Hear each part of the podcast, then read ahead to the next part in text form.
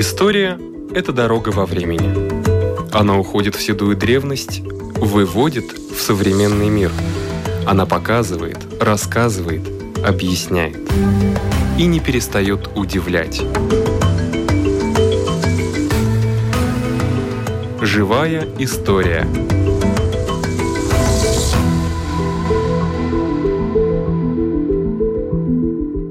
У микрофона Лидия Чера.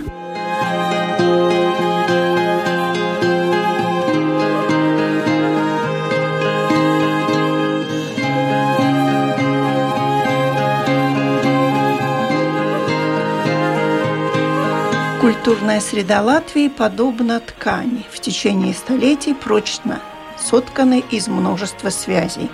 Эта культурная ткань беззащитна перед ножницами глобализма, стирающего все отличия местных культур.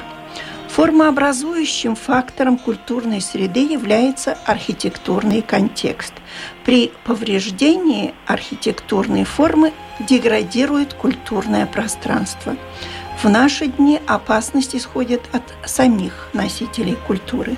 Мы не всегда осознаем значение ценностей, которыми владеем, часто не знаем, что и как сохранить. Поэтому вопрос изучения региональных культурных пространств по-прежнему актуален. И Латвия в таком аспекте очень интересна написала в свое время архитектор Людмила Вениаминовна Клешнина – и особо интересны ваши наблюдения за сакральными зданиями протестантской культуры Курляндии. Знаю, у вас даже есть статья по этому поводу. Да, в прошлом году э, я для себя открыла это наследие. Мы хорошо знаем свою православную культуру. У нас замечательное наследие архитектуры поморского староверия, которое сохранилось в Латгалии, и у нас замечательный храм на улице Краста в Риге. Мы как бы живем в параллельных мирах. И тут у нас тоже много проблем, о которых вы вспомнили в моей прежней статье. Как бы мы переживаем об этом, мы думаем, живем в этой среде. А параллельно, чем интересна Латвия, что она находится на перекрестке различных культур, и здесь несколько потоков культуры, так можно сказать. И они все прекрасны, они все интересны, они своеобразны и замечательны. Но в своей повседневной жизни, естественно, что мы ходим в свои храмы и имеем какие-то стереотипные представления о храмах других конфессий. Ну, идем по улицам, видим внешнюю форму какого-то здания и составляем какие-то представления. И, конечно, редко заходим в храмы других конфессий. И когда мне вот э, в прошлом году оказалось возможным посетить вот храмы Курляндии, которые вообще находятся в далекой провинции, в далекой глубинке латвийской, ну, я для себя просто открыла новый культурный мир нашей родной Латвии, так скажем. Отличаются между собой православные и протестантские храмы? Конечно, отличаются. И по культурному менталитету тех, кто их построил – и по архитектурным формам, но меня даже больше поразили общие черты. Мы часто вот как-то огульно отвергаем что-то другое и не хотим глядеться. А что же, какие идеи провозглашают эти храмы? Ведь в наше время актуальна проблема, что архитектура подавляется строительством. А чем отличается строительство от архитектуры?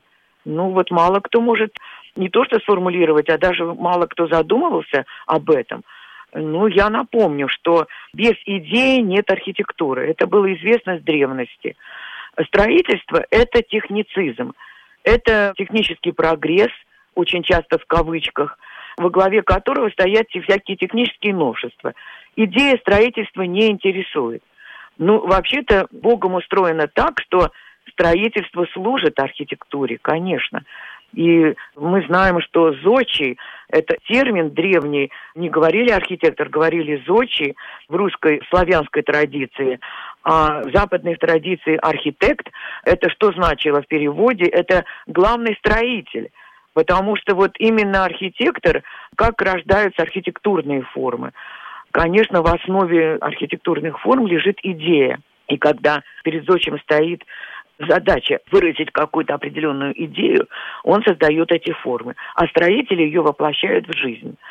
Но, конечно, ярче всего идеи выражены в сакральном зодчестве, потому что сакральное зодчество оно нам открывает вероучение. В этом его назначение. И даже, как мы читаем в Священном Писании, что вообще церковь с большой буквы, как комплекс, как институт, создан для спасения человека. Таков замысел Творца. Для чего он создал человека? Мы знаем историю грехопадения, а теперь человеку нужно обратно соединиться с Богом и э, пройти путь спасения. Для этого создан институт церкви. А институт церкви не может существовать без материальной оболочки, материальной среды, которую создает именно архитектура. И основные идеи, ну вообще идеи, все вероучение призвано выразить архитектура, но можно выделить три идеи главных. Это представление о мире, то есть как устроена Вселенная, представление о Боге и представление назначения жизни человека. И вот эта третья идея, главная, она наиболее понятна самому простому человеку, потому что высоты богословия, представление о Боге, о Вселенной – как она построена иерархично, это все-таки, ну, такие высокие богословские мысли, высокие богословские рассуждения. А о том, что каждый человек должен спастись, ну, это каждому человеку понятно, если он верующий, конечно. И поэтому маленькие приходские церкви, прежде всего, ярче всего выражают именно идею спасения – ну, потому что для этого человек приходит в храм, участвует в приходской жизни, участвует в богослужениях, потому что все ведет его к спасению. И поэтому приходская церковь, эта идея выражена ярко и понятно. И она во всех храмах. Мы знаем, что корабль спасения, есть такое понятие. Вообще церковь – это корабль. И мы видим черты корабля в храмах всех христианских конфессий абсолютно во всех. И в католических храмах, и в православных храмах. Ну, это нужно целые лекции читать, как выражена эта идея. И в протестантских храмах, конечно. Но и вот в этих маленьких приходских храмах, которые строили немецкие бароны в своих имениях на свои деньги, где-то там вот в глубинке, где было их имение, они эту идею и выразили ярче всего, потому что это было назначение приходской жизни, так скажем. И вообще это волновало всех. Это была проблема, которая была всем понятна и всех волновала.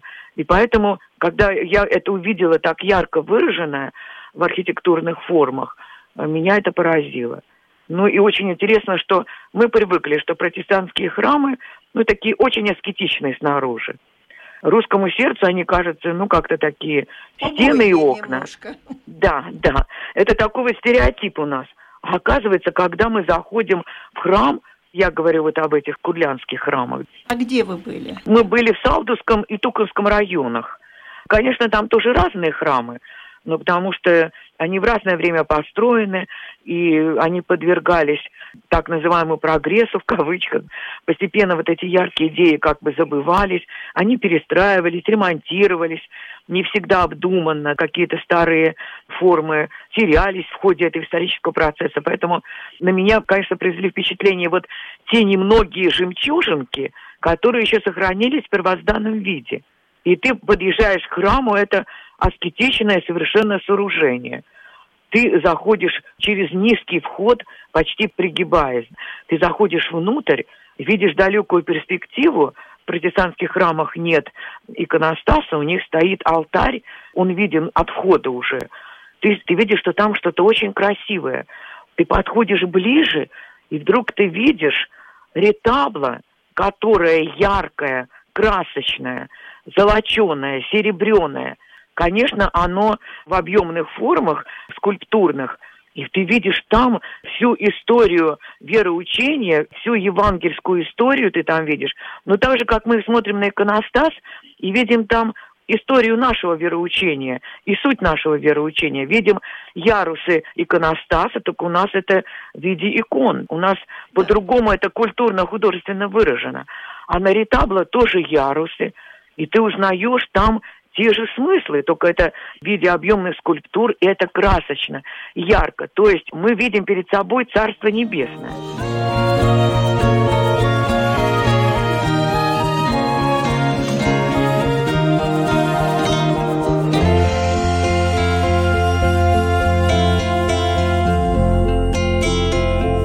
Но вот так же, как иконостас являет нам Царство Небесное через святых, через образы и Господа Вседержителя, и Духа Святаго, и пророков. Чем выше поднимается ярус иконостаса, тем выше мы приближаемся к Творцу. Также им оказывается на ярусах ретабла. Мы видим те же самые смыслы. Но выражено это немножко по-другому. Но выражено в стиле мангеризма, в стиле барокко. Но стиль здесь не главное. Здесь главное выражение идеи.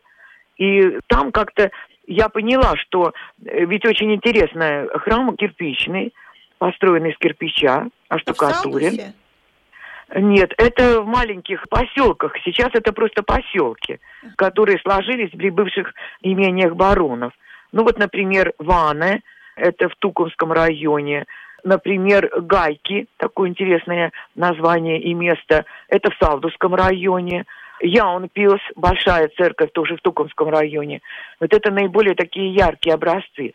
И интересно, что у них стены кирпичные, а потолок оформлен в виде деревянного свода, ну, который вписан в чердак. Они снаружи выглядят такое простое, крайне аскетичное здание с двускатной крышей и пристроена башня у входа. Вот такой аскетичный вид.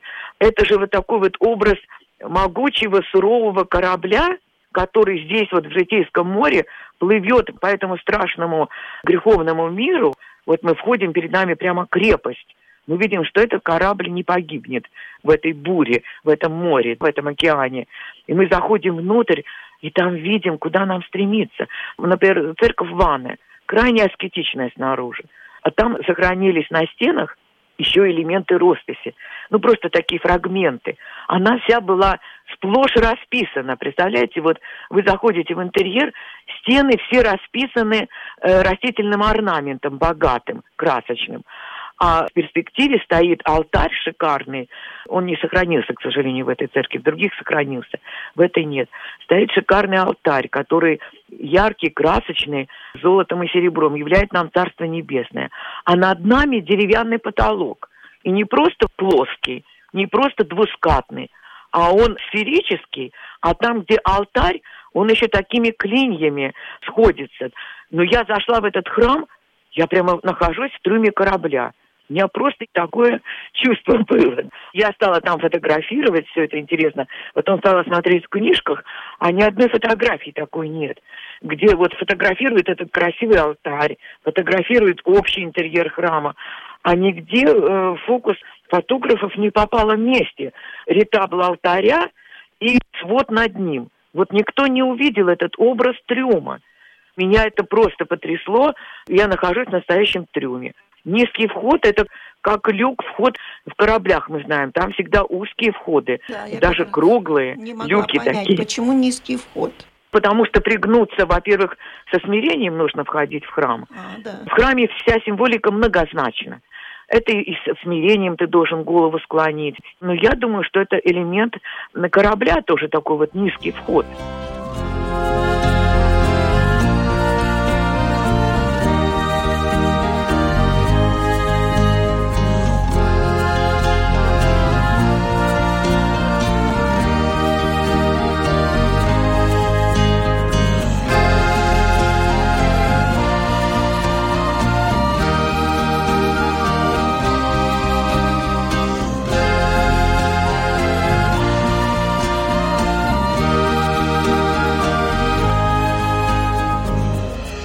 все знаем термины, вообще строительные архитектурные термины, они все, во-первых, поэтичны, они все имеют глубокий смысл и дают нам ключ к пониманию архитектурных форм.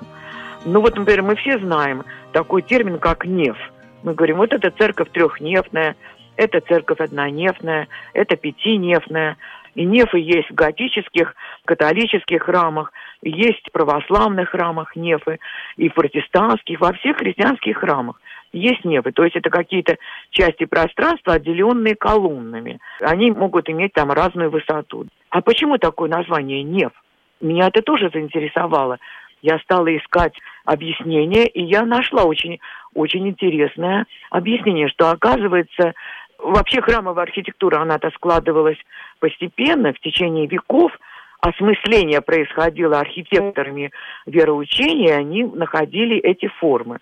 Выявляли формы, конечно, по Божьему откровению. Каждому архитектору было Божье откровение, и он находил эти формы. И вот оказалось, что именно в XII-XV веках было очень развито в Средиземном море кораблестроение и вообще воды моря бороздили мощные парусные торговые военно-транспортные корабли, и они назывались именно НЕФ. Причем на всех языках, и на французском, и на английском, и на итальянском, и в русском языке это было заимствованное слово «неф», они все происходят от одного корня. Но вот все корабли назывались нефами в разных вариантах. Там итальянская «нава», предположим, французская так и было «неф». Корень один и тот же. И поэтому, так как внутренность храма, интерьер храма, я просто сама это почувствовала, увидела, он мне просто являл трюм корабля. И поэтому вот это пространство, вот оно его и назвали корабль. И как бы весь храм это корабль. Весь храм. Вот сейчас, между прочим, вот здорово появились летательные аппараты такие маленькие, и их запускают вместе с, с фотоаппаратами. И появилось очень много в интернете фотографии всех храмов с высоты, как они сфотографированы. Да. И православных, и католических. Все сейчас их фотографируют. И очень интересно то, что мы, находясь на земле, догадываемся, понимаем по смыслам, но так ярко не видим, как образ. А когда мы фотографируем храмы с высоты, ну они просто все корабли. Если они, конечно, канонически построены. Ты смотришь, например, русский храм стоит посреди равнины, и он просто плывет в этом таком ну как сказать, вот штиль на море, и плывет корабль в безбрежном пространстве. Или ты, предположим, смотришь на какой-то храм, который приближается к лесу какому-то, и кажется, что он сейчас вот врежется в эту чащу, которая тоже можно ее тоже как-то символически рассматривать. Ну, очень интересно. Или, например, храм стоит на горке, на пригорке, что часто строили храмы. И ты видишь, как эта местность, что он стоит на пригорке, а селение, предположим, окружает храм, но оно там вот ниже расположено. И получается, что как бы храм стоит на острове, или он плывет в этом в море, в Житейском море, которое образовало селение. А часто, например, северные храмы, они вообще стоят на островах, в озере или в реке. Много таких фотографий. Но там просто прямая аналогия. Но, вероятно, когда люди выбирали место для храма, для строительства, они думали об этом, что это же корабль, он должен вот плыть в море. Но это сейчас видим только с высоты, а они же это себе представляли просто образно, художественно. Но курлянские храмы стоят просто в какой-то местности. Например, вот храм в Гайке, он стоит на пригорке – очень здорово. Меня потрясли э, в книге, которая была издана последняя книга на латышском языке, но там есть резюме на русском языке.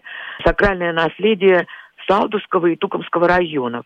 И там очень собран хороший материал по этим всем храмам. И даны планы этих храмов. И когда мы вдруг смотрим, ну я профессиональным взглядом, может быть, посмотрела, я видела планы этих вот храмов, которые меня особенно поразили. Ну, это просто кораблики. Почему вот э, называется неф, внутреннее пространство храма, которое разделяется на нефы.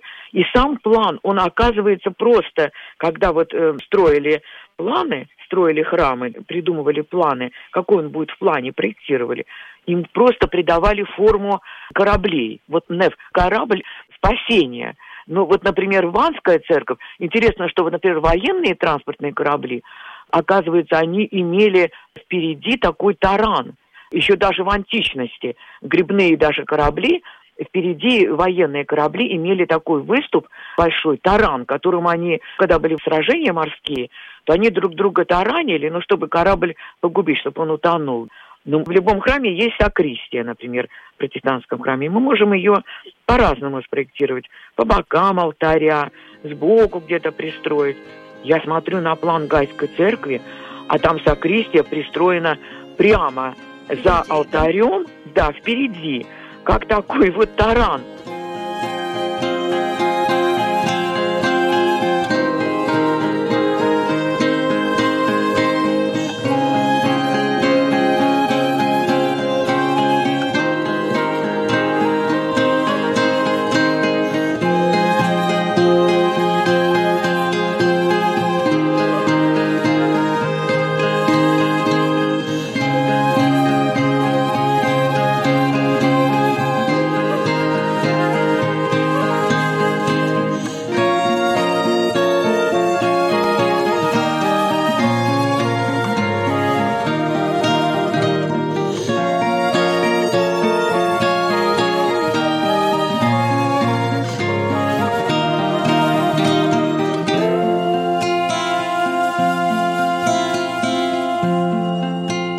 Эти храмы все построены где-то были на рубеже 17-18 веков. Бароны были все-таки культурные, образованные люди. Они давали задания мастерам, которых они приглашали для строительства. Они же тоже знали историю. Они античную историю знали лучше, чем мы. У них были книги, в которых были изображения этих кораблей. Немножко пытаюсь вам рассказать, как вот двигается мысль архитектора, как ищутся эти архитектурные образы. Мы же тоже, мы сначала, прежде чем что-то спроектировать, мы смотрим, материал собираем по этой теме. И заказчик был просвещенный. Он давал задания этим мастерам, что он хочет видеть. Я хочу видеть корабль спасения. Ну, какие корабли? Ну, вот такие. Вот я хочу, чтобы это был мощный корабль. А смотрим, какие были античные корабли. У них был вот этот протоэмбалон, он, по-моему, так назывался, чтобы все были атрибуты этого храма, этого образа корабельного. Или, например, церковь Яунпилсе. Там, видно, были более богатые заказчики. Там храм больше, у него очень высокая башня, которая как маяк видна издалека из округи. И внутри он больше по размерам, и там три настоящих нефа. Есть вот маленькие эти церковки, они просто однонефные. Ну, просто ты заходишь, ты прямо вот в трюме корабля и так э, продвигаешься к спасению. То в Яунпилсе там три нефа, они перекрыты сводами, но там очень интересно, что когда ты смотришь на план, там э, кирпичными сводами перекрыты, но когда ты смотришь на план, это опять корабль, только он, э, ну, такой, как сказать, развернутый корабль, ну, целый лайнер. Вот если представить себе план лайнера, ну, взять вот план современного лайнера, можно найти тоже в интернете везде изображение. Ну, этот храм, это такой большой корабль, ну, такие тоже были. И в то время такие большие корабли, многопарусные, которые торговые, и люди на них совершали путешествия. Ну и вот построили такой храм в виде такого шикарного большого корабля. А почему роскошь внутри? Ну, потому что вы же заходите в храм, это уже обоженный мир. Храм – это дом Бога, есть такое понимание. А царство Бога, оно прекрасно. Рай прекрасен, нет ничего во всей вселенной прекраснее, чем рай. Поэтому и интерьер церкви вот так богато украшался. А что мы читаем э, в современных книгах искусствоведов-атеистов, которые не читали Священное Писание, не читали даже Псалтырь, где очень много поэтических образов есть, ни Ветхого, ни Нового Завета не знают. Они говорят, это маньеризм, это рококо, только стиль там видят.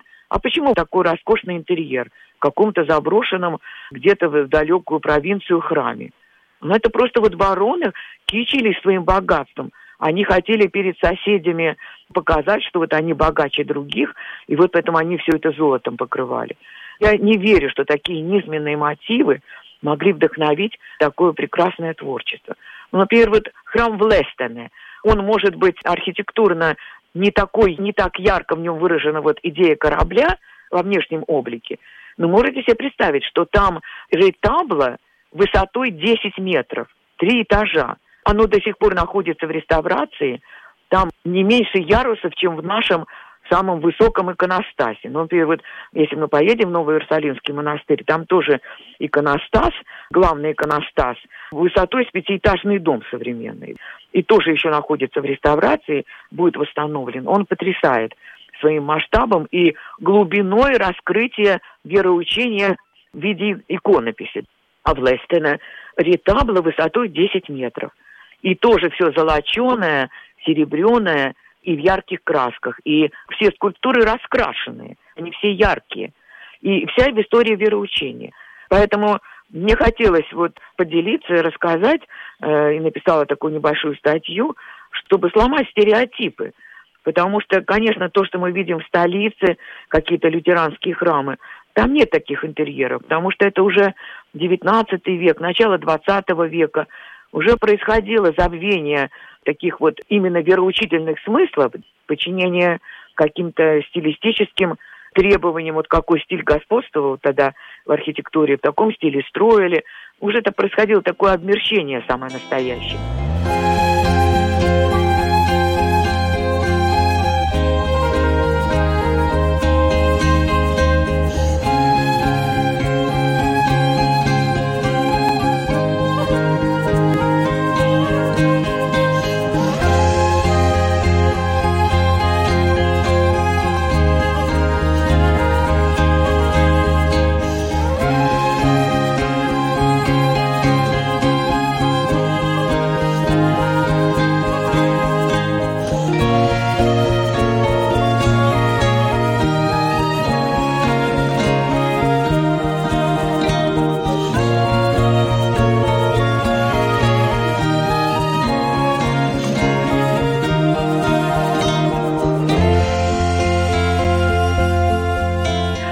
Вот там, в Курляндии, бывшие в нашем Курзаме, сохранились, ну, просто жемчужины протестантской архитектуры. Вот я так бы это назвала, так бы это сказала. Это 17 век, вот эти маленькие церквушки. Да, это 17 век, потому что у Мартина Лютера он свое учение провозгласил в 16 веке, и пока это вероучение распространилось у нас и дошло до нашей Курляндии, ну, прошел еще век. И тоже понятно вот психология тех людей. Они были приверженцы новой веры, как бы. Вот новая вера, обновление. Они стали приверженцами этой веры. Ну, понятно, что искренне человек тоже потрясен новой верой. Он как-то поменял, может быть, свои взгляды, он принял это вероучение, он хочет его открыть миру. Понятно, что новое вероучение пришло, новые храмы строили, но они хотели по-новому их строить, не так, как католический. Они исповедовали эту веру и в соответствии с этой верой строили. А там идея спасения очень большое место занимает. У Мартина Лютера у него целое учение о спасении есть мы некомпетентны обсуждать богословские аспекты. Мы просто можем вот видеть архитектуру и видим, что если так ярко эта идея в архитектуре была воплощена, значит, эти идеи занимали умы людей, которые давали деньги, заказы размещали, привлекали мастеров, и все вместе, все участники этого соборного творчества вот воплощали эту идею. Значит, эта идея занимала их умы. Я думаю, что Нигде в мире такого даже нет. Вот я такое рискну предположить, что это вот чисто наше латвийское наследие замечательное. И, конечно, умелые зодчие. Э, да, смогли э, сделать. Конечно, народный гений. Конечно, это строилось силами местных мастеров, потому что, видите, там конструкции несложные. Если это такое кирпичное здание, оно в плане такое интересное, как корабль. Ну, в принципе, это стены не такие уж высокие, ну, башня повыше. Они несложны в инженерном смысле. Несложно сделать тоже такой деревянный свод. Ведь надо же было постараться не сделать как проще. Да. Плоский потолок или просто двускатный потолок, а делать его гранями. И чтобы эти грани вот сходились над алтарной частью – это нужно было постараться, но в принципе это плотникам доступно, это не какое-то там сверхмастерство. Это как сердце требует, то руки делают, так можно сказать. Спасибо большое. Да. Спасибо за, за ваш интерес. У нашего микрофона была архитектор Людмила Веньяминовна Клишнина. А на этом наша передача заканчивается. Всего вам доброго.